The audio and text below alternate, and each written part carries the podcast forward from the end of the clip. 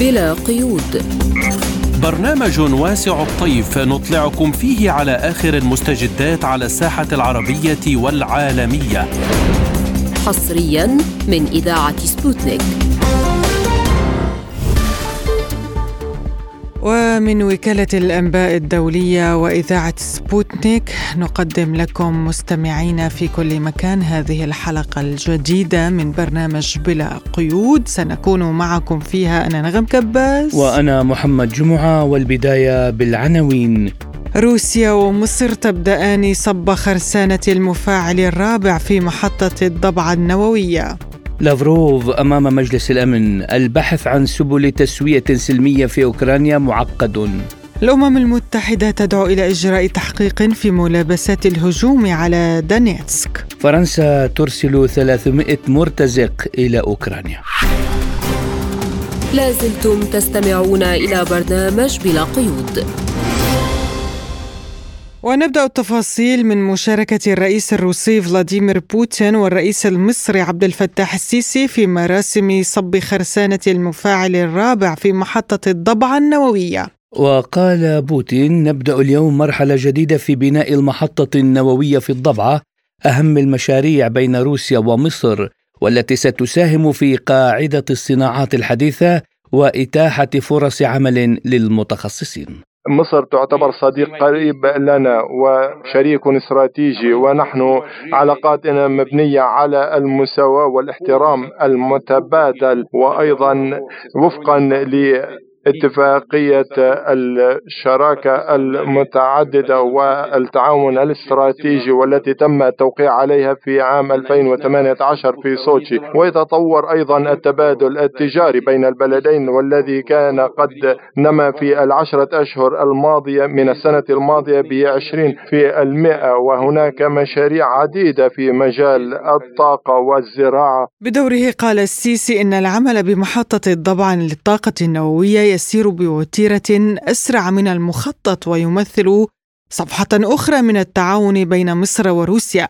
هذا الحدث العظيم الذي نشهده اليوم يمثل صفحة مضيئة أخرى في مسار التعاون الوثيق بين مصر وروسيا ويعد صرحا جديدا يضاف إلى مسيرة الإنجازات التي حققها التعاون المصري الروسي المشترك عبر التاريخ.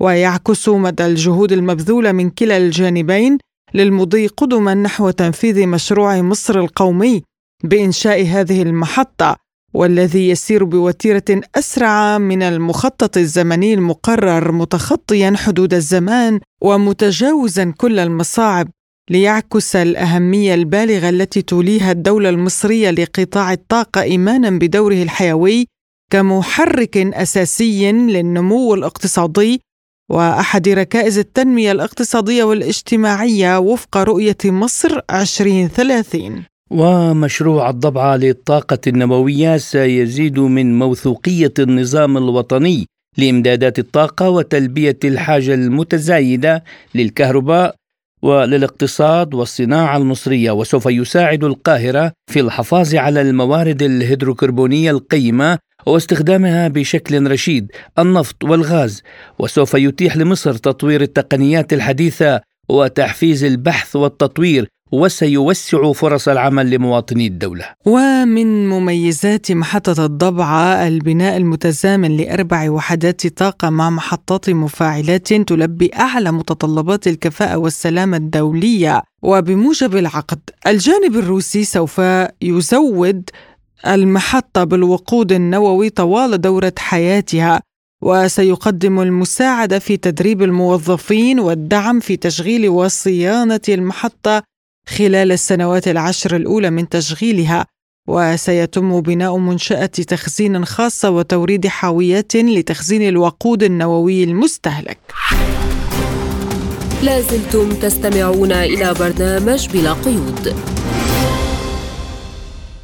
وإلى ملفنا التالي وما صرح به وزير الخارجية الروسي سيرجي لافروف في اجتماع مجلس الأمن الدولي حيث أكد أن البحث عن سبل تسوية سلمية في أوكرانيا معقد للغاية بسبب الدعم الغربي لكييف وأن التقارير المتعلقة بنقل واستخدام الذخائر العنقودية في الصراع الأوكراني تثير قلقا.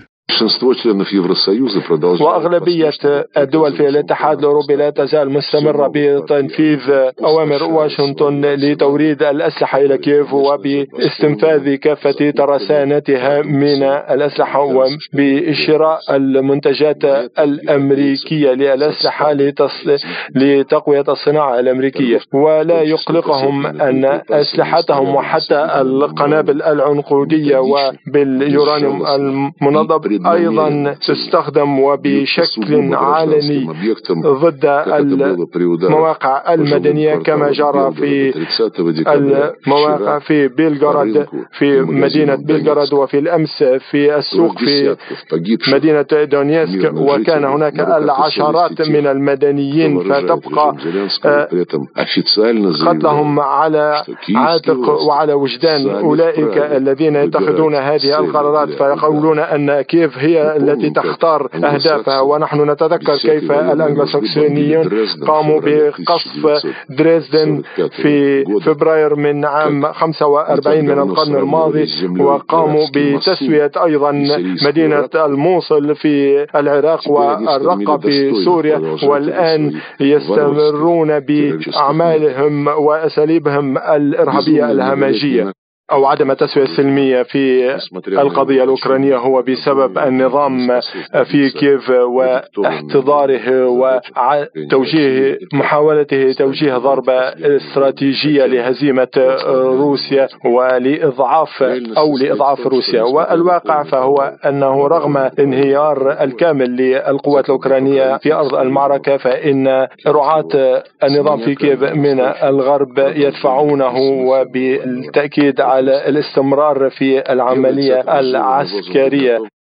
عندما كانوا قد وقعوا على اتفاقات مينسك وإن الأسباب التي جعلت الغرب يتصرف بهذا الأسلوب الإجرامي أنه في واشنطن وفي العواصم الأوروبية وفي الأوقات الأخيرة كانوا قد أعلنوا بأن الغرب يقوم بحرب ضد روسيا بأيدي الأوكرانيين لوضعها في مكانها والرئيس بايدن كان قد سمى هذا الوضع بأنه استثمار رائع والأفكار حول الاستثمار أيضا كان قد تحدث عنها الزملاء من الغرب أيضا. والكونغرس ولتحليل كلمة لافروف ينضم إلينا عبر الهاتف مدير مركز آسيا للدراسات الدكتور أحمد مصطفى.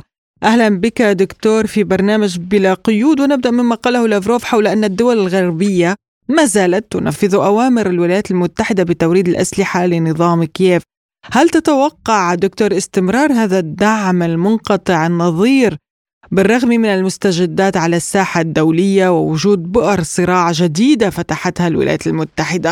لا هو السؤال يعني منقسم لعدة أقسام بالنسبة لرأي السيد لافروف هو رأي محترم جدا ورأي قريب للصواب لأنه أصلا الدول الغربية والناتو للأسف يعانون اقتصاديا بشكل كبير جدا بسبب الدعم الذي قدم لدولة فاشلة كأوكرانيا لمدة عامين أو أكثر بدون أي جدوى وبهزيمة نقراء وهذا ما نعرفه لأنه أيضا يوجد هناك نظام أيضا يتسم رئيسه بالجنون يشبه نتنياهو متطرف نازي آه، متصهين أيضا لأنه شبه نفسه سابقا بإسرائيل. آه، وما آه، حصلته أوكرانيا هذه الدولة التي كانت قبل هذا النزاع مدعومة روسيا سواء مدعومة بالنفط مدعومة بالأموال. كان يحصل مواطنيها على حقوق في المنح الدراسيه والتعليم. والتوظف داخل روسيا بكل أريحية وبدون أي مشاكل إلا أن هذا النظام المتخلف الذي يدار من قبل واشنطن كما يدار النظام الصهيوني نظام إسرائيل آه، للأسف سيودي ببلده إلى التهلكه لأن بلده مهزومة والناتو نفسه مهزوم على مدار سنتين آه، وطبعا ارتفاع أسعار الطاقة آه، يعني كان سببا في يعني انخفاض مستوى دخل هذه الدول وعدم اتفاقها على توريد الأسلحة وطبعا كانت توجد عدة دول ومنها طبعا المجر وكذلك مؤخرا سلوفيكيا ودول أخرى. أعادت النظر في توجيه هذه المساعدات إلى أوكرانيا لأنه كما نقول يعني في المثل المصري ما يتطلبه الجامع يحرم على ما يتطلبه البيت يحرم على الجامع. أو ما يتطلبه الشأن الداخلي يحرم على الغير. لافروف تحدث بأن بايدن اعتبر ما يحدث في أوكرانيا هو بمثابة استثمار جيد بأيدي أوكرانيا. برأيك دكتور ما الجدوى التي حصدتها الولايات المتحدة وكيف استثمرت الأزمة؟ هي فقط من خلال بيع مخزون أسلحة يعني تالف لم يحقق أي نجاح. وهذا بسبب للأسف الاستثمار الجيد هو أتى هنا بسبب الضغط وعلى دول الاتحاد الأوروبي وأنه حول دول الاتحاد الأوروبي للأسف إلى حديقه خلفية له آه، شبهتني بأمريكا اللاتينية قبل أن يأتي اليسار مرة أخرى وبقوة. وأوروبا التي المفترض أن يتصف زعمائها وأنظمتها بالرشد للأسف كانت العديد من الشركات المتعددة الجنسيات وخصوصا الشركات الأمريكية التي آتت بهم سواء في النظام الألماني أو في النظام الفرنسي أو في بريطانيا. فطبعا تم بيع السلاح الأمريكي رقم واحد إلى الناتو وبضغط أمريكي من إجماع واشنطن. وأيضا تم بيع الغاز الأحفوري المستخرج بتدمير البيئة في الولايات المتحدة إلى أوروبا وبأسعار كبيرة. وبالرغم من هذا يعني أيضا استمر وبالرغم من كل هذا استمر بيع الغاز الروسي إلى الدول الأوروبية وحتى آه، وقتنا هذا وبمعدل كبير لأن هذا الغاز المستخرج في الولايات المتحدة هو غاز يدمر التربة. ويدمر البيئة هناك. آه، فلا أعتقد أنه حقق مكسب لأنه أنا عندما أساعد في تخريب دولة ولا أحقق انتصار فإذا أنا لم أحقق أي شيء مما وعدت به الناخبين لا على مستوى أوكرانيا ولا على مستوى إسرائيل وأنت تجدي حتى داخل الحزب الديمقراطي نفسه آه الذي يعتبر الحزب حزب بايدن هناك انشقاق كبير جدا ما بين اليساريين بالمعنى الحقيقي آه، والشباب وما بين المؤيدين لما يقوم به بايدن لاستفادتهم لعلاقتهم وهم ممثلون للوبي السلاح ولوبي آه، الطاقة ولوبي الفيدرالي الأمريكي الذين هم يؤيدون بايدن. فهناك يعني معادلات يعني جديدة موجودة. وحصصه للأسف حتى داخل الحزب نفسه هناك تهديد حتى من فئة الشباب. بانه سيحجم تماما والعديد وتسمعي الكثير من الآراء على مواقع التواصل الاجتماعي من الشباب. أننا سنحاسبكم بداية من سبتمبر القادم مع الاقتراب مواعيد التصويت في الانتخابات الرئاسية الأمريكية. أيضا لافروف أجرى مباحثات مع نظيره التركي حول سوريا وغزة. ما الدور الذي يمكن أن تلعبه تركيا في كلا الملفين برأيك؟ يعني آه، تركيا انت تعلمي أن أردوغان آه، نظام أو النظام التركي نظام براجماتي للغاية ولكن هو أردوغان مع الرابح يعني عندما يحس أن الاتحاد الأوروبي وأن أمريكا على وشك الخسارة وهو سيفقد سيفقد مصداقيته آه، في الداخل وما وعد به ناخبيه مؤخرا في مايو الماضي آه، ولذلك أعتقد أنه سيكون من العقل أن يغير الدفه وخصوصا حاليا آه، يعني روسيا آه، تحاول دعم الدولة التركية سواء من خلال السياحة أو من خلال الطاقة أو من خلال العقارات التي يشتريها الروس. والكثير من الأمور فطبعا هو يعني أردوغان أعتقد أنه من الرشد أنه سيحاول تغيير لون جلده كما يحدث كل مرة لأنه آه، طبعا آه، يعني كما يرى أن الشرق صاعد بقوة وعلى رأسه. طبعا روسيا آه، والصين. ف يعني سيحاول بشتى الطرق يعني إصلاح مواقفه وعدم دعم الجماعات الإرهابية في سوريا.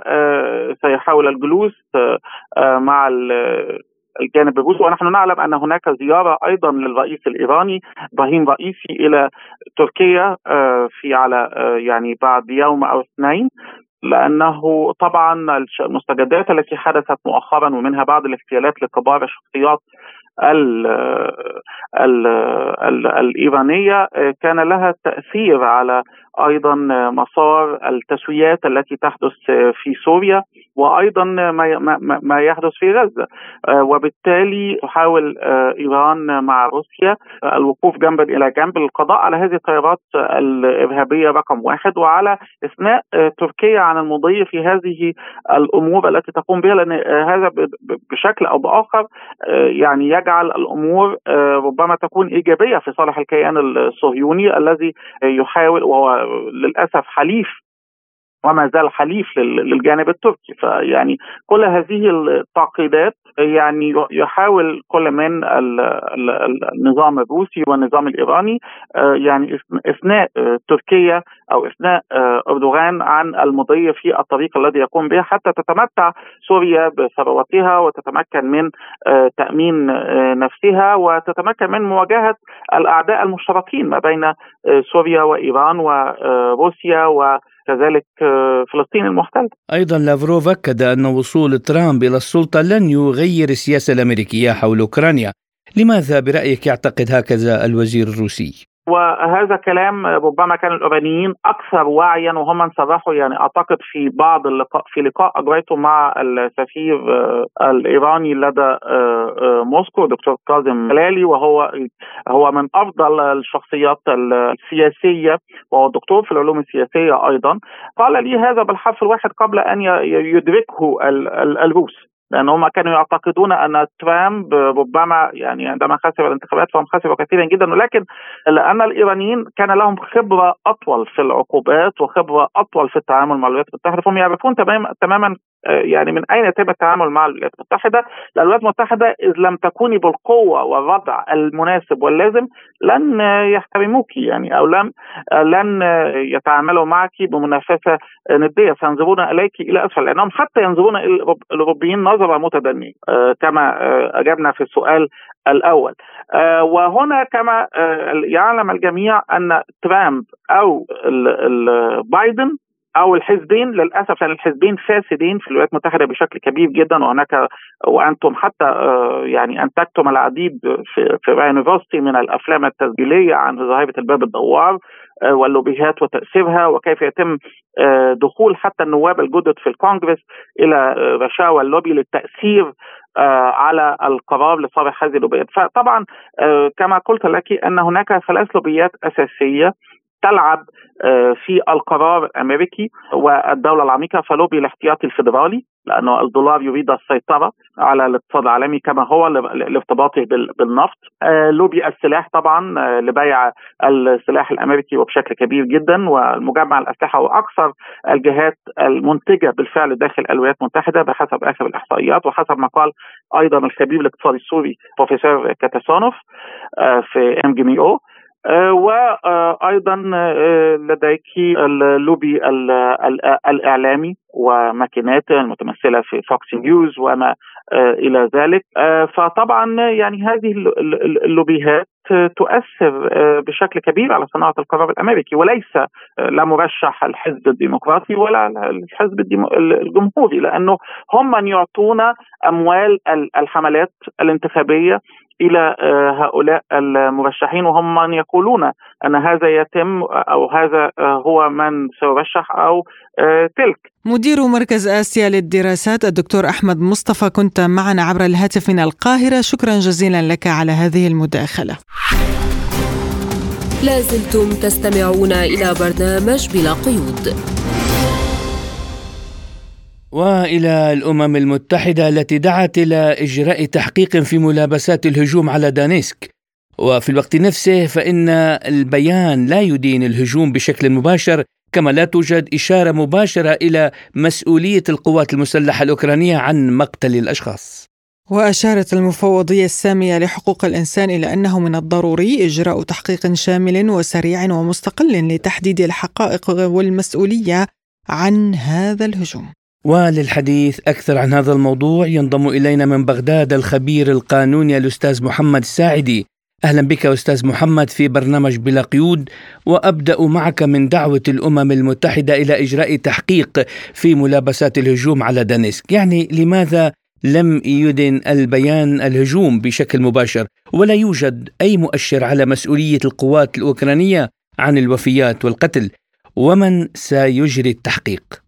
حقيقة هذا الموضوع إحنا بخصوص موضوع قصف المدنيين اللي الذي تم في يوم أمس كان قصف إرهاب وحشي على مراكز التسوق المدنيين.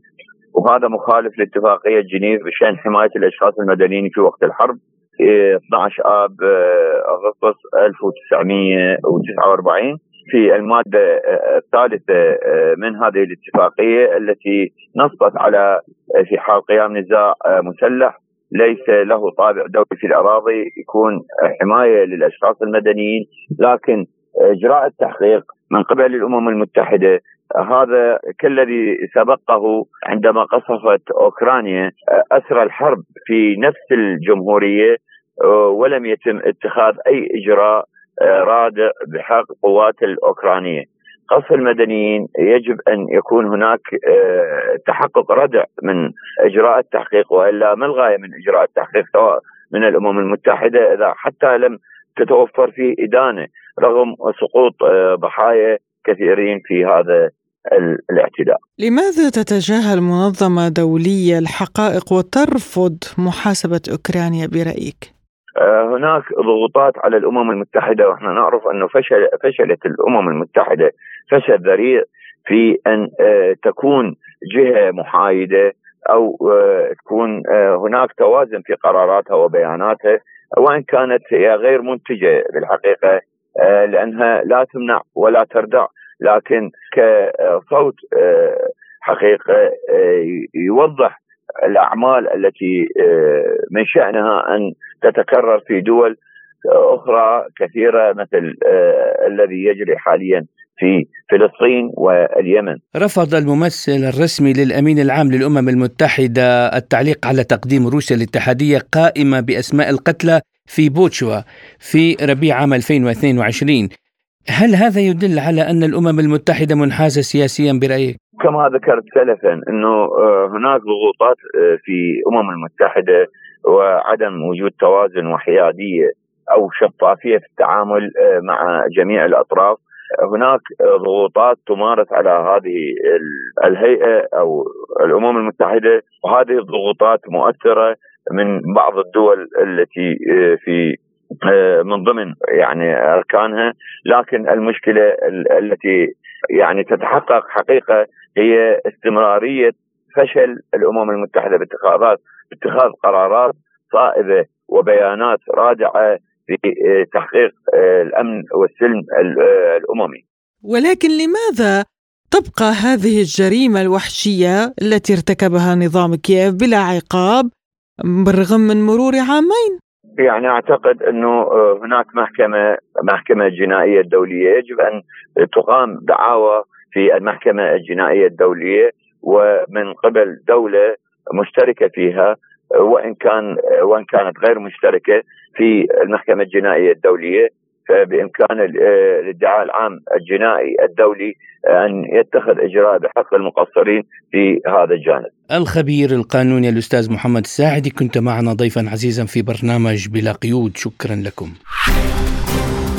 لازلتم تستمعون إلى برنامج بلا قيود. وإلى مستجدات الملف الأوكراني حيث صرح مصدر مطلع لسبوتنيك أنه منذ بداية العملية العسكرية الروسية الخاصة وصل أكثر من 300 مرتزق فرنسي إلى أوكرانيا للمشاركة في القتال لصالح أوكرانيا. وقد خدم بعضهم في فوج المظليين الثاني للفيلق الأجنبي التابع للواء الحادي عشر المحمول جوا والتابع للقوات البرية الفرنسية. وأوضح المصدر أنه خلال المعارك قتل نحو 130 مرتزقا وغادر ما يصل إلى 170 شخصا الأراضي الأوكرانية. ابتداء من يناير كانون الثاني من هذا العام وكان هناك 50 مسلحا من فرنسا في المنطقة العسكرية الشمالية. بدوره أكد نائب الممثلية السامية للأمم المتحدة لشؤون نزع السلاح جي إيبو أن التقارير عن نقل واستخدام الذخائر العنقودية في الصراع في أوكرانيا مثيرة للقلق. للخوض أكثر في هذا الموضوع ينضم إلينا عبر الهاتف الباحث السياسي الدكتور محمد الديهي. أهلا بك دكتور عبر سبوتنيك. ونبدأ من هذه المصادر التي قالت لسبوتنيك بأن أكثر من 300 مرتزق فرنسي توجهوا لأوكرانيا. لماذا برأيك ترسل فرنسا المرتزقة لمواجهة روسيا وإلى أي مدى يمكن أن يسبب الضرر بسمعة باريس على الساحة الدولية؟ تحياتي لحضرتك وللساده المشاهدين الكرام، لا شك إن الدور الأوروبي وخاصة الفرنسي في الأزمة الروسية الأوكرانية هو يمثل آه، تهديد كبير للاستقرار الدولي. النقطة الأخرى والهامه هنا هو لماذا ترسل فرنسا هؤلاء العدد أو هذا العدد في هذا التوقيت تحديدا؟ آه، لعدة أسباب، أولى هذه الأسباب أو أهم هذه الأسباب هو الانتصارات التي تحققها الدولة الروسية في على صعيد آه، الازمه الروسيه الأوكرانية. أو على صعيد آه، المعارك الدائرة الآن آه، أيضا النقطة الأخرى هو آه، محاولة إطالة أمد هذه العملية العسكرية التي تقوم بها روسيا وإنهاك روسيا خاصة أن الآن جميع التقارير تتحدث أن الغرب فشل في إيقاف روسيا وفي يعني تهديد روسيا أو أن يجعل روسيا تتراجع عن محاولتها لحماية أمنها القومي. الملف الآخر هي محاولة لتشتيت الداخل الفرنسي الذي يعاني مؤخرا من أزمات كثيرة وهناك آه، إشكاليات كثيرة في الداخل الفرنسي يحاول تحاول من خلالها الدولة الفرنسية أن تشتت وجهات النظر في الداخل اتجاه ملفات أخرى وخاصة الملف الروسي أو الأزمة الروسية الأوكرانية بغاية أن آه، تخفف الضغط على الحكومة وعلى الشارع في الداخل. قال رئيس الدبلوماسية الأوروبية جوزيف بوريل بأن الهجوم الأوكراني المضاد في عام 2023 لم يحقق النتائج المرجوة هل نستطيع أن نقول هذا الاعتراف بالفشل هو بغاية حشد للتجهيز لهجوم جديد برأيك؟ هي محاولة أوروبية لحشد الجهود من جديد لمواجهة آه، للمواجهات في أوكرانيا خاصة أن آه، الطرف الأوروبي كما أشرنا يدرك تماما أنه خسر الكثير في هذه آه، الأزمة وخسر كثير في عديد من آه، الأزمات وأيضا لديه كثير من الإشكاليات في الداخل تدخلات هناك اعتراضات على هذا الأمر فهو يحاول أن يعني يضع الرأي العام الأوروبي بأنه لم يحقق شيء حتى الآن وأنه ما زال بحاجة. أيضا النقطة الأخرى هو الطرف الروسي الذي يحاول آه، عفوا الطرف الأمريكي الذي يحاول أن يضغط على الأطراف الأوروبية أن تستمر في إرسال مساعدات إلى الدول آه، إلى أوكرانيا أو إلى منطقة الصراع لتصاعد وانهاك الطرف آه، الروسي. ولكن كل هذه الأمور وكافة هذه الأمور تحاول الأطراف الأوروبية أن تروج لها أو الحكومات المتواجدة الآن أن تروج لها. أيضا آه، اقتراب عدد من الانتخابات أو فكرة أن يكون هناك انتخابات في عدد من الدول الأوروبية تنذر بأن تأتي حكومات مغيرة وأن تحاكم هذه الحكومات على جرائمها أو على فكرة دعمها آه، لأوكرانيا دون شيء وإقحام بلادها في أزمة اقتصادية وسياسيه وتوتر علاقات مع الطرف الروسي. هو أيضا تساؤل الآن مطروح من قبل الساسه الأوروبيين. لذلك هي محاولة أو مراوغه جديدة من السياسة آه، الخارجية في أوروبا أو صامية السياسة الخارجية في أوروبا. البيت الأبيض قال إن سحب الولايات المتحدة دعمها لأوكرانيا يعرض المساعدات الأوروبية لكييف للخطر، هل تخشى واشنطن من أن يتوقف الزعماء الأوروبيين في نهاية المطاف عن العمل؟ على آه، إرسال المساعدات لكييف؟ طبعا الاداره الامريكيه لديها مخاوف كثيره من أن يتوقف الأوروبيون خاصة كما أشرنا. هناك أزمات داخلية كثيرة، هناك موجة تضخم ستضرب العالم نتيجه على فشال الازمه في المنطقة العربية والشرق الأوسط، يعني المتابع للأحداث الدولية الآن الولايات المتحدة مش منشغلة بأزمة كبرى في المنطقة الشرق الأوسط. هذه الأزمة قد تطول أو تؤثر على آه، المجتمع الدولي. أصبحت الآن آه، السفن التجارية تغير مسارها. لم تمر من البحر الأحمر نتيجة العمليات التي تنفذها الولايات المتحدة في البحر الأحمر وتتخذ طريق رأس الرجاء الصالح كل هذه الأمور ستأتي بموجة تضخمية كبيرة وآثار سلبية كبيرة على الدول الأوروبية وعلى المجتمع الأوروبي. اذا هناك آه، أزمة اقتصادية ستعنيها أوروبا وهو بالتالي ما سيجعلها تخفض الإنفاق العسكري أو الدعم العسكري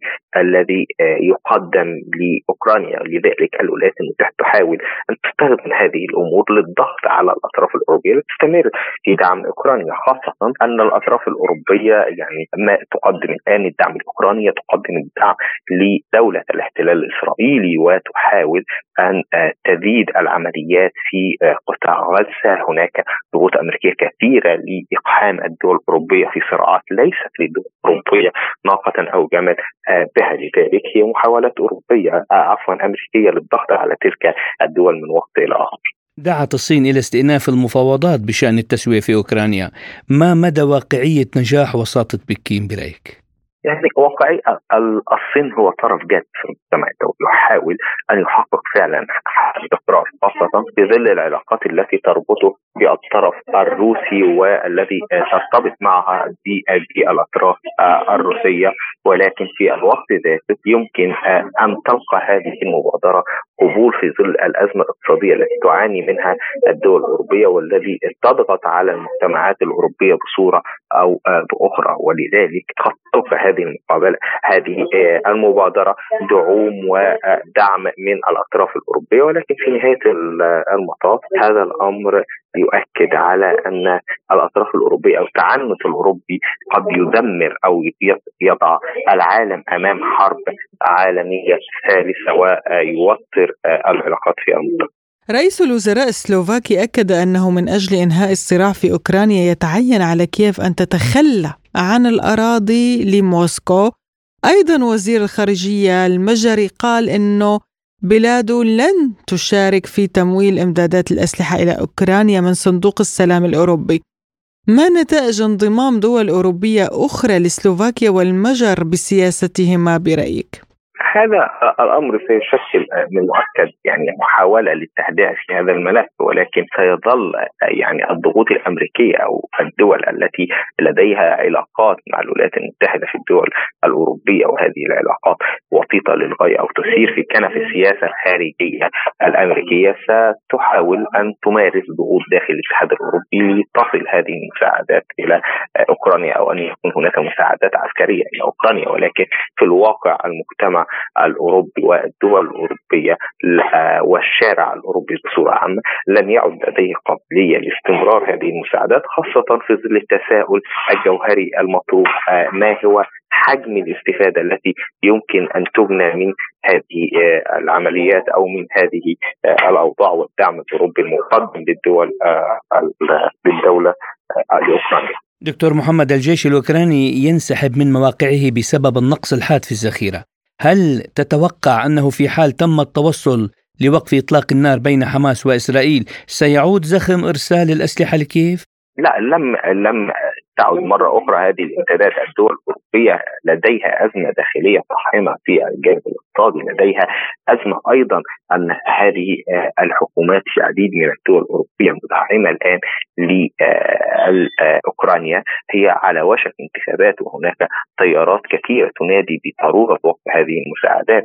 أيضا لديها أزمة على صعيد فكرة الرفض الشعبي القاتل آه، يعني آه، القوي لهذه المساعدات والحديث حول ضرورة توقف دعم المقدم من الدول الأوروبية. هذه الدولة الاوكرانيه الباحث السياسي الدكتور محمد الديهي كنت معنا عبر الهاتف من القاهرة. شكرا لك على هذه المداخلة. لازلتم تستمعون إلى برنامج بلا قيود. وإلى فلسطين حيث يستمر القصف الإسرائيلي على قطاع غزة والاشتباكات بين الجيش الإسرائيلي وحماس لليوم التاسع بعد المئة في ظل كارثة إنسانية وصحية في القطاع. إنسانيا منعت إسرائيل ثلاثة من أصل أربعة بعثات إنسانية الوصول إلى شمال قطاع غزة رغم الحاجة الماسة لها في القطاع. وفي ملف الرهائن الإسرائيليين لدى حماس فقد أبلغ نتنياهو عائلات الأسرى بأن إسرائيل لن تكون قادرة على تجديد الحرب إن أوقفتها. وأخبرهم بعدم وجود أي اقتراح حقيقي من جانب حماس للاتفاق حول إطلاق سراحهم. حماس تطالب بوقف كامل للحرب وبانسحاب قوات الجيش الإسرائيلي من القطاع وضمانات دولية للحفاظ على حكمها وذلك مقابل إطلاق سراح الأسرى. وكجزء من مفاوضات وقف إطلاق النار الأوسع اقترحت إسرائيل رحيل قيادة حركة حماس عن غزة ضمن اتفاق يقضي بإطلاق سراح جميع المحتجزين لدى الحركة في قطاع غزة. ولكن لا يعني ذلك أن إسرائيل توافق على إنهاء الحرب ولا على إطلاق سراح جميع السجناء الفلسطينيين. المقدر عددهم بستة آلاف سجين لديها. وللحديث أكثر عن الحرب في غزة وتداعياتها إقليميا وعالميا ينضم إلينا الخبير في الشأن الإسرائيلي الأستاذ إيهاب جبارين. أهلا بك أستاذ إيهاب في برنامج بلا قيود. أهلا بكم تحياتي ومساء الخير لكم ولضيوفكم ومستمعيكم الكرام. وأبدأ معك من اقتراح إسرائيل وقف القتال في غزة لمدة شهرين أثناء إطلاق سراح الرهائن، يعني ما سبب تغير خطاب تل أبيب التي كانت تعارض بشدة وقف إطلاق النار في السابق؟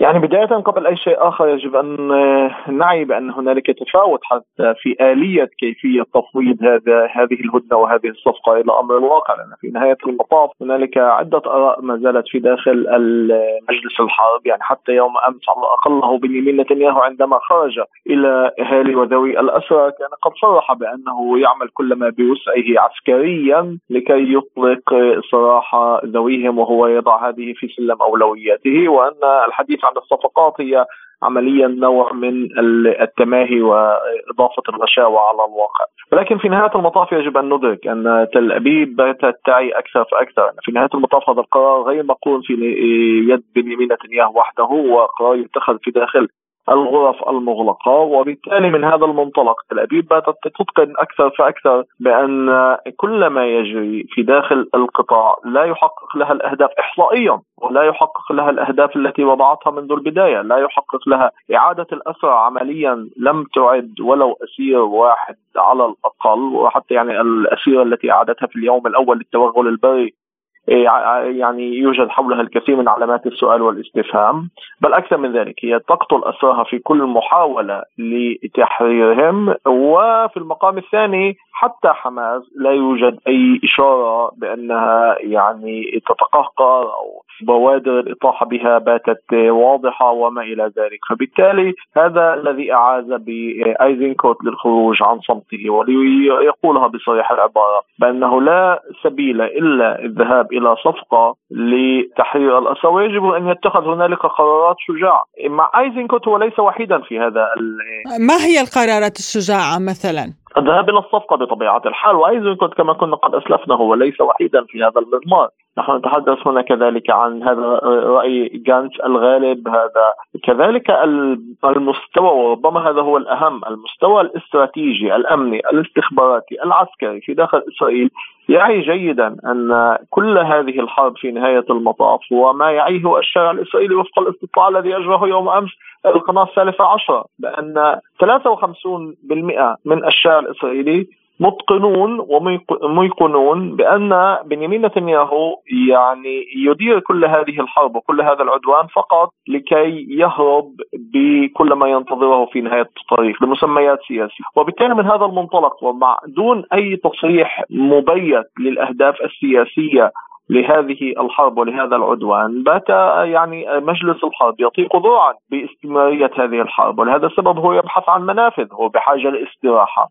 والأهم من هذا كله هو بحاجة يعني نتنياهو اليوم قال منذ قليل بأنه لن يوقف القتال. هل هذا يعني بأن نتنياهو منفردا يقول هذا ويعني أهالي الأسرى هم ضد هذا التصريح؟ كما ذكرت حضرتك أن هناك بعض الشخصيات في الداخل الإسرائيلي والمؤثرين من الدبلوماسيين والساسة هم أيضا ضد نتنياهو؟ ضد هذا التصريح؟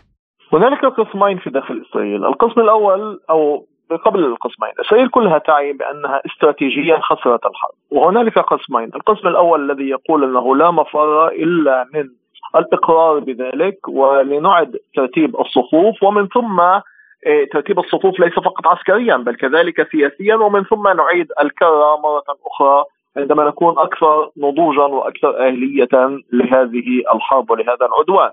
أي بكلمات أخرى أن الحساب لم ينتهي. حتى وإن خرجت إسرائيل الآن هي لم تنهي هذا الحساب بمفاهيم كهذه أو كأخرى أو بكلمات أخرى لتنهي المعركة لا لتنهي الحرب. هذا في المضمار الأول. ولكن على البعد الآخر هنالك من يقول إنه لا تستطيع إسرائيل أن تتلقى مثل هذه الضربة. وهذا بعيدا عن التداعيات السياسية طبعا. هنالك من يقول إنها لا تستطيع أن تتلقى مثل هذه الضربة لأن هذا البعد في نهاية المطاف سوف يعني يضر بسمعتها وبهيبة الردع. طبعا قبل أي شيء آخر. وبالتالي إذا تم المس بهيبة الردع سوف تستباح أرضها في المرة المقبلة. ومن هذا وسوف يتكرر السيناريو السابع من أكتوبر. ومن هذا المنطلق إسرائيل تتوجه ضمن هذين المضمارين طبعا هنالك إسقاطات سياسية وأبعاد سياسية لمثل هذه القرارات. في نهاية المطاف بنيامين نتنياهو يغرد على الموجة الثانية لأنها تطرب أذان جمهوره في المقام الأول ولأنها ذريعة مهمة يعني ليستمر بهذه الحرب وبهذه وبهذا العدوان. ولكن ما تنتظره إسرائيل في نهاية المطاف. هو صورة معجزة نصر وليس صورة نصر لأن بات واضحا أن استمراريتها في داخل والتوغل في داخل هذه الحرب لن يعطيها هذه الصور نهائيا. وبالتالي هي بحاجة لمعجزة. بل أكثر من ذلك. يعني إيه، في ما بين كل أسبوعين أو ثلاثة أسابيع باتت اسرائيل تسمع اليوم الأصعب في المعركة. هذا ما جرى يوم أمس على سبيل المثال. وهذه كلها ولكن هذا كذلك يضع إسرائيل في مفترق طرق مهم جدا. لأن إسرائيل لا تستطيع أن تستوعب هذه الأرقام. معادلة الأرقام لا تست... في القتل لا تستطيع أن تستوعبها إسرائيل. وبالتالي هي أمام الآن مع... يعني مفترق طرق جدا مهم. كذلك لديه إسقاطاته على المعسكرين. هنالك من يقول بأن لا نستطيع تحمل مثل هذه الأرقام وأبعادها أكثر وبالتالي لنوقف هذه الحرب التي فقط تعزز الضربة الاستراتيجية والهزيمة الاستراتيجية. ولكن البعد الآخر يقول إذا ذهبنا الآن أكثر هذا يعزز الإدعاء الثاني عفوا بأن الضربة الاستراتيجية وهيبة الردع سوف تتضرر على المدى البعيد ولهذا السبب لا بد إلا من الإلحاق بأضرار أكبر وبعد أكبر وانتقامية بشكل أكبر تحديدا بعد مثل هذه الضربة. ولن يعني ولن يكون هنالك تقهقر في هذا الموضوع. ولكن ولكن وهي نقطة مهمة جدا. في نهاية المطاف في عام 97 كان هنالك حادثة هليكوبتر طائرات طوافة بين طائرتين إسرائيليتين كانتا متوجهتين إلى جنوب لبنان إلى الشريط الأمني. وفي تلك الحادثة قتل تقريبا أكثر من 77 جندي إسرائيلي. في نهاية المطاف يعني ما بعد عامين كانت هي يعني نقطة مفصلية ومحورية في انسحاب إسرائيل من جنوب لبنان إيه، بعد عامين. طبعا نحن نتحدث عن إيه، شريط زمني مختلف كليا. تلك الحرب استمرت أكثر من 18 عام. نحن نتحدث هنا عن بالكاد عن 108 أيام. فبالتالي كذلك تداعيات النقط المفصلية وسياقها يختلف كذلك. يعني لهذا هذا ليس بالضرورة يقول أنه أمام إسرائيل عامين ونصف لتتحمل مثل هذه الضربات بل إيه، على العكس تماما. حتى في سياق القتلى آنذاك في تلك الحرب التي بدأتها إسرائيل عام 82 حتى عام 2000 تلقت قرابة الألف قتيل جندي. نحن هنا نتحدث فقط عمن سمح بالنشر من أسمائهم في خلال ال 108 أيام أكثر من 550 قتيل فقط ممن سمح بالنشر وهذه نقطة مهمة جدا. بالتالي واضح جدا أن حتى في هذا السياق تداعيات الأمر أكبر وأكثر وأقصى على إسرائيل ولهذا السبب هذا الأمر كذلك يجب أن يؤخذ بعين الاعتبار بأن تداعياته على الشارع الإسرائيلي وبالذات بأن من يتظاهرون اليوم هم لا يتظاهرون فقط من أجل إعادة الأسرى بل من أجل إسقاط هذه الحكومة. أي بكلمات أخرى يوجد بعد لكل ما كان من موجات احتجاجية قبل السابع من أكتوبر يوجد لديه بعد وإسقاطات ما بعد السابع من أكتوبر في الموجات الاحتجاجية بل هنالك أمر أكبر وأكثر وأهم من كل هذا. إسرائيل بدأت بتسريح جنود الاحتياط. من أقام وحمل على أكتافه الموجات الاحتجاجية ما قبل السابع من أكتوبر كانوا جنود الاحتياط. نحن نتذكر تلك الموجة. أجيالهم ما بين الثلاثون والخمسون وهم هؤلاء الذين يعودون الآن من داخل القطاع. دخلوا القطاع مع الحس النقمي ضد حكومتهم آنذاك والآن يخرجون من القطاع في حس نقمي متزايد في عدم تحقيق الأهداف من دخولهم إلى القطاع في عدم يعني إعطائهم أي أهداف سياسية لدخولهم للقطاع.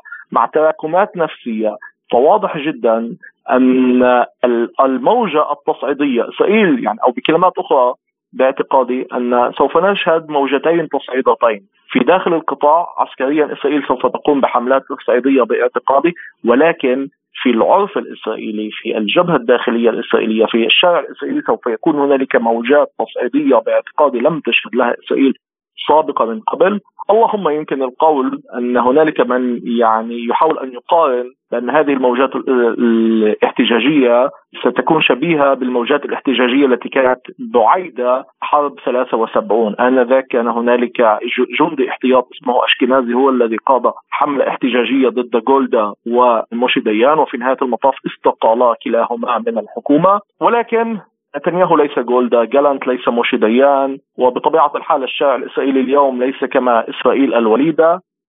وليس الوقت كما كان في ذلك الوقت. أستاذ إيهاب يعني في سياق متصل يذكرنا الحقيقة الآن في في عهد النكبة والكوارث. وزير الخارجية الإسرائيلي إسرائيل كاتس عرض مقترحات بلاده للاتحاد الأوروبي لبناء جزيرة في عرض البحر الأبيض المتوسط. لينقل إليها سكان قطاع غزة. هنا يطرح نفسه سؤال فيما إذا كان هذا هو المخطط منذ البداية للوصول إلى طوفان الأقصى ومن ثم تطبيق وتنفيذ هذا الاقتراح؟ يعني هي أسئلة تطرح ربما آه، في مكانها. طبعا الجزيرة الصناعية كان قبل ذلك حديث عن ميناء آه، صناعي آه، قبيل شواطئ قبل ذلك بكثير بسنوات كان الحديث عن محاولة تعزيز الوضع الاقتصادي في غزة عبر بناء ميناء صناعي. وجزيرة صناعية قبيل شواطئ شواطئها لكذلك فتح الحصار عنها. لكن في نهاية المطاف هنا يجب أن نتذكر قضية مهمة جدا. يعني بعيد عن هذا المفهوم. يعني حتى في داخل إسرائيل يعني لم يستقبل هذا الإدعاء بذلك الذكاء وباعتقادي نعم يفتقر للكثير من الذكاء. بل هذا يعني هذه ربما احدى إشكالية بنيامين نتنياهو بأنه لف لفيفه في داخل هذه الحكومة تحديدا بمستوى آي كيو نوعا ما منخفض في الوزراء وبالمناسبة هذا ليس بالصدفة هذا ليس بمحض الصدفة. إيه، ربما هنا تجدر الإشارة إلى نقطة مهمة جدا. عندما حاول بنيامين نتنياهو أو ما قيل قبل يومين عن المناكفة التي كانت حد الاشتباك بالأيدي ما بين نتنياهو وجلنت هذا أمر حقيقي. نتنياهو يخاف الناس الأذكياء يخاف الناس الذين يوجد لديهم آه، يعني باع ومضمار كرجال الأمن على سبيل المثال. لهذا السبب هو لف لف في الحكومة الأخيرة على سبيل المثال برعاع حزب الليكود تحديدا هو حزب رعاع بات بعدما كان حزب من الخامات الإسرائيلية في اليمين، الآن بات هو حزب رعاع وهذا ليس بمحض الصدفة، بنيامين نتنياهو عمل على ذلك بكل معنى الكلمة، وفي داخل وزاراته لكن في نهاية المطاف كان يتوجب عليه أن يعني وزارة الدفاع وزارة الجيش لا يمكن أن يضعها في أيدي آه، آه، يعني شخصية بالهاء. ولهذا السبب يعني هذا هو الأمر الكلاسيكي في إسرائيل بأن من يكون في داخل هذه الوزارة يكون آه، آه، يعني شخصية عسكرية غالبا. ولهذا السبب بنيامين نتنياهو كان يقبل سياسيا آه، كل وزير دفاع يكون في داخل هذه الوزارة. هذا ما قام به إزاء مردخاي هذا ما قام به شاول مفاد هذا ما قام به إزاء هود باراك هذا ما قام به إزاء بنت. هذا ليبرمان الوحيد الذي لم يقم له بذلك لم يقبضه سياسيا في تلك الوزارة لأن ليبرمان لم يأتي من خلفية عسكرية. هذا هو السبب البسيط. لكن كان يقبضهم ويدفنهم في داخل تلك الوزارات وهذا ما يحاول أن يقوم به بجالنت ونحن نتذكر ما كان قبل عام تحديدا في الثلاثين من مارس 23 عندما تمرد جالنت على نتنياهو كيف كانت ردة فعل نتنياهو. نعم. آه، آه، آه، اليوم إذا خلافات كما ذكرت حضرتك داخل القادة الإسرائيليين أنفسهم. أيضا هناك خلاف بين بايدن ونتنياهو حول حل الدولتين. هل تتوقع أنه تتراجع الولايات المتحدة عن دعمها لإسرائيل إذا استمرت برفض موضوع حل الدولتين؟ سؤال مهم جدا. بداية لكي نفهم ذلك ربما يجدر بنا أن نفهم آه، يعني آه، موقف إسرائيل إجمالا من حل الدولتين. هنا نقطة مهمة جدا. إسرائيل موجودة الآن بين معسكرين وهي يعني استكمالا لكل الشرخ الذي آه، موجودة به من قبل. اليمين الإيديولوجي واليمين الأمني. لا يوجد يسار في إسرائيل. يعني ربما من هم في اليسار هم خارج عن هذا السياق بالتمام. فبالتالي اليمين الإيديولوجي يرى الدولة الواحدة من البحر إلى النهر مع كل السياق الذي يعني آه، آه، بالمفهوم التوراتي الإسرائيلي. لكن اليمين الأمني هنالك تفاوت نوعا ما، هنالك من يريدها دولة واحدة علمانيه طبعا بطبيعة الحال من البحر إلى النهر مع وجود الفلسطينيين في داخلها بوتيره معينة أو بعدد بنسبة معينة طبعا بطبيعة الحال، وهنالك من يرى أنه نعم هنالك وجوب انفصال عن الفلسطينيين في دولتهم الخاصة، ولكن وهذه نقطة مهمة جدا، طبعا هؤلاء موجودين في أقصى اليسار لكن ليس الآن، يعني لا يوجد هنالك أي حديث عن الدولة الفلسطينية في داخل الشارع الإسرائيلي بأي شكل من الأشكال. حتى في داخل أقصى هذا اليسار لأن هنالك يعني إسرائيل يجب أن تستوجب الكثير من التداعيات الأمنية حتى تصل إلى تلك النقطة. فبالتالي هذه النغمة هي التي يوجد عليها إجماع في داخل الشارع الإسرائيلي وهذه النغمة التي يرددها بنيامين نتنياهو في الأيام الأخيرة لكي يحاول أن يضلل أهداف الحرب التي وضعها في اليوم الأول ويحاول أن يركز على هذه الركيزة أمام الشارع الإسرائيلي بأنه هو الوحيد الذي يمكنه أن يضمن ألا تكون هنالك دولة فلسطينية، هذا هو الركيزه الأهم عند بنيامين نتنياهو، ولاحظ حتى جانس، حتى أيزنكوت، حتى لبيد، ايا منهم لم يخرج ويقول أي كلمة واحدة عن أهم يعني عن قيام الدولة الفلسطينية أو عن تصوره للدولة الفلسطينية أو أي من ذلك، فبالتالي لأنه هنالك شبه إجماع على هذه القضية، فبالتالي حتى سبل المناورة الأمريكية في هذا السياق تحديدا ربما هنا تجدر الإشارة بأن عندما خرج بلينكن في الأسبوع الأخير من إسرائيل كان يبحث عن هذه المفاتيح، كان يبحث عن مفاتيح إسرائيل لدى غرماء بنيامين نتنياهو ولم يجلبها، لم يحصل عليها، عاد بخفي حنين حرفيا،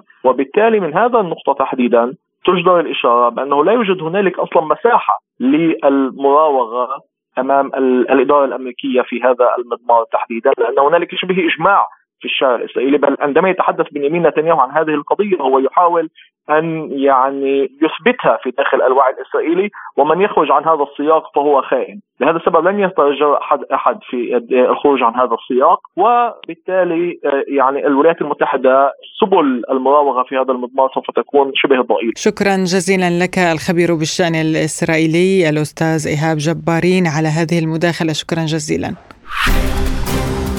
لازلتم تستمعون إلى برنامج بلا قيود وإلى اليمن حيث أجرى جيشا الولايات المتحدة والمملكة المتحدة وبدعم من استراليا والبحرين وكندا وهولندا جولة إضافية من الضربات والقصف ضد ثمانية أهداف لأنصار الله في اليمن. وللحديث أكثر عن هذا الموضوع ينضم إلينا من اليمن الباحث السياسي اليمني الأستاذ محمد الوجيه. أهلا بك سيد محمد عبر أثير إذاعة سبوتنيك ونبدأ من هذا الاستهداف أيضا مرة أخرى من قبل الغرب لليمن. يعني هل يمكن القول إن الولايات المتحدة تشن في الواقع حربا شاملة ليس فقط ضد أنصار الله وإنما أيضا ضد اليمن ككل؟ طبعا عندما نتحدث اليوم عن هذا التحالف الأمريكي البريطاني الصهيوني الذي يعتدي على اليمن آه، ككل، هذا الاعتداء الأمريكي البريطاني هو أتى نتيجة للموقف المبدئي الإنساني الديني الجغرافي من قبل أبناء الشعب اليمني ككل كقوة ثورية وقوة سياسية وقوة آه، عسكرية نتيجة للعدوان الذي الذي يتعرض له أبناء فلسطين وفلسطين ككل وأبناء غزة على وجه التحديد آه، فكان من اليمن أن اتخذ هذا الموقف بمواجهة الصهيوني عبر البحر الأحمر المندب بوجه السفن الإسرائيلية أو السفن الذاهبه إلى إسرائيل والمسار الثاني هو بوجه الولايات المتحدة الأمريكية التي تهيمن على المضائق وعلى البحار يواجه الأمريكي بشكل مباشر، أتى الأمريكي بهذه الغارات الجوية، يريد الأمريكي أن يصور قوته القوة التي أصبحت اليوم قوة وهمية أمام اليمن، لأنه الأمريكي هو الذي يعتدي على الشعب اليمني منذ مارس 2015 ما يسمى بتحالف عاصفة الحزم أو التحالف العربي ضد اليمن هو كان تحالف أمريكي بقيادة الولايات المتحدة الأمريكية، أعلن عن هذا التحالف من واشنطن في 2015 كانت الطائرات هي أمريكية، الخبراء هم أمريكان، الأسلحة هي أمريكية، وبالتالي ما يعلن عنه الأمريكي الآن خلال الساعات الماضية وخلال الأيام الماضية من استهداف لمستودعات أو منصات لإطلاق الصواريخ أو مصانع للطائره المسيرة، كل هذا هي مجرد إن الأمريكي يريد أن يغطي هذه الصورة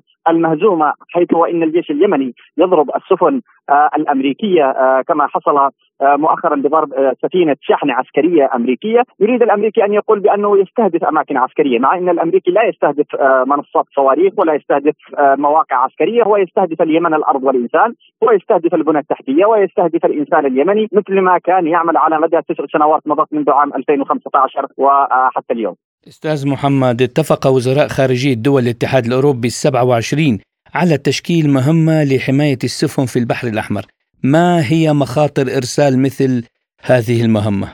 الأول منذ السابع من أكتوبر عندما أعلن وقوفه مع فلسطين ومع أبناء فلسطين كان الخيار اليمني في البداية هو استخدام الصواريخ البالستية والمجنحة والطائرات المسيرة وأطلق هذه القوة في الأراضي الفلسطينية المحتلة عام 48 وتحديدا استهداف إيلات التي هي تعتبر المنطقة العسكرية، المنطقة الأمنية، المنطقة التكنولوجية، المنطقة السياحية للكيان الإسرائيلي، ولكن نتيجة لاستمرار هذا العدوان من قبل الكيان الصهيوني والعدوان من قبل الكيان الصهيوني كان بأوامر أمريكية، الأمريكي أتى بالرئيس الأمريكي إلى فلسطين المحتلة بين قوسين دولة الكيان، أتى بالأسلحة المحرمة دوليا وأتى بالخبراء وأتى بالوحدات الخاصة ما أسمها بوحدات دلتا وغيرها التي يقول بأنها مهمتها إخلاص بها تجربة من فيتنام ومن العراق ومن أفغانستان. فعندما تدخل الأمريكي بشكل مباشر وكانت الحرب على غزة هي حرب كامل على اليمن أن يستخدم الورقة الأخرى وهي ورقة البحرين. البحر العربي والأحمر وباب المندب. فالأمريكي اليوم يحاول أن يجر بقية الدول وتحديدا الاتحاد الأوروبي. مثل ما عمل هذه الخطة بوجه روسيا وقام جر الاتحاد الأوروبي لدعم أوكرانيا اليوم يريد أن يجر الاتحاد الأوروبي لمواجهة اليمن مع إن اليمن كان صريح. بدءا من قائد الثورة اليمنية السيد عبد الملك بدر الدين الحوثي وصولا إلى الرئيس مهدي المشاط رئيس المجلس السياسي الأعلى في حكومة صنعاء. المتحدث القوات المسلحة اليمنية أكدوا مرارا وتكرارا ويوميا ومنذ السابع ومنذ بدء اتخاذ البحر الأحمر والبحر العربي بوجه الأمريكي بانه لا السفن الإسرائيلية أو السفن المتجهة إلى إسرائيل طالب استمرار للعدوان والحصار على أبناء غزة، ولكن الأمريكي يريد أن يجر هذه الدول الأوروبية إلى ورطة وبالتالي اليمن يحذر هذه الدول الأوروبية بأنه نحن لا نستهدف أي سفينة والسفن ممرها آمن من من باب المندب ومن البحر الأحمر عدا السفن التي تتجه إلى إسرائيل. إذا جر الأمريكي هذه الدول أو ما يسمى بالاتحاد الأوروبي وتشكيل تحالف فعلي لأن التحالفات الأمريكية التي شكلها خلال الأشهر والأسابيع الماضية تحت مسمى حماية الممرات حماية التجاره العالمية، اتضح بأنها هي تحالفات يعني ليست على أرض الواقع، لاحظنا لاحظنا انسحاب إسبانيا، لاحظنا انسحاب بلجيكا والعديد من سحبت بشكل بشكل فعلي، إضافة إلى أنه لا يوجد أي دولة مطلة على البحر الأحمر بضفتيه هي مشاركة في هذا التحالف. الباحث السياسي اليمني الأستاذ محمد الوجيه شكرا جزيلا لك. وللمزيد حول هذا الموضوع ينضم إلينا أيضا رئيس مجلس إدارة وكالة الأنباء الرسمية سبأ الأستاذ نصر الدين عامر أهلا بك أستاذ نصر الدين وأسألك عن زيادة الضغط على الموانئ الإفريقية بسبب التصعيد في البحر الأحمر يعني هل يعني ذلك أنه لا توجد طرق بديلة في الوقت الحالي وأن البحر الأحمر رغم تفاقم الوضع يظل المنطقة الوحيدة ذات الأهمية الاستراتيجية من حيث التجارة؟ البحر الأحمر بالنسبة يعني بالنسبة لنا هو آمن أساسا أنهم يعلمون والموانئ تعلم بأننا لا نستهدف إلا السفن الإسرائيلية والمتجهة إلى إسرائيل وأيضا الآن يعني الجنسيات التي اعتدت على اليمن وهي الأمريكية والبريطانية أما بقية الوجهات هي تعلم وتمر بسلام وفي كل ساعة تمر عشرات السفن وهم يعلمون أنه لا يتم استهداف أحد. ولذلك تظل هي الطريق الأقل كلفة والطريق الامن والطريق يعني المستخدمة الأكثر. يعني السفن تمر الآن أكثر من عبر البحر الأحمر أكثر من التي تمر عبر الرجاء الصالح يخيفها الأمريكي والبريطاني عندما يجرون التصعيد ويستمرون في التصعيد. هذا يخيف شركات الشحن. نعم. وأيضا ضغوط أمريكية تمارسها على شركات الشحن. نعم لكن يبقى إلى هذه اللحظة العبور الأكثر هو عبر البحر الأحمر. هل سيتمكن اليمن برأيك من التعامل مع مصادر التهديدات؟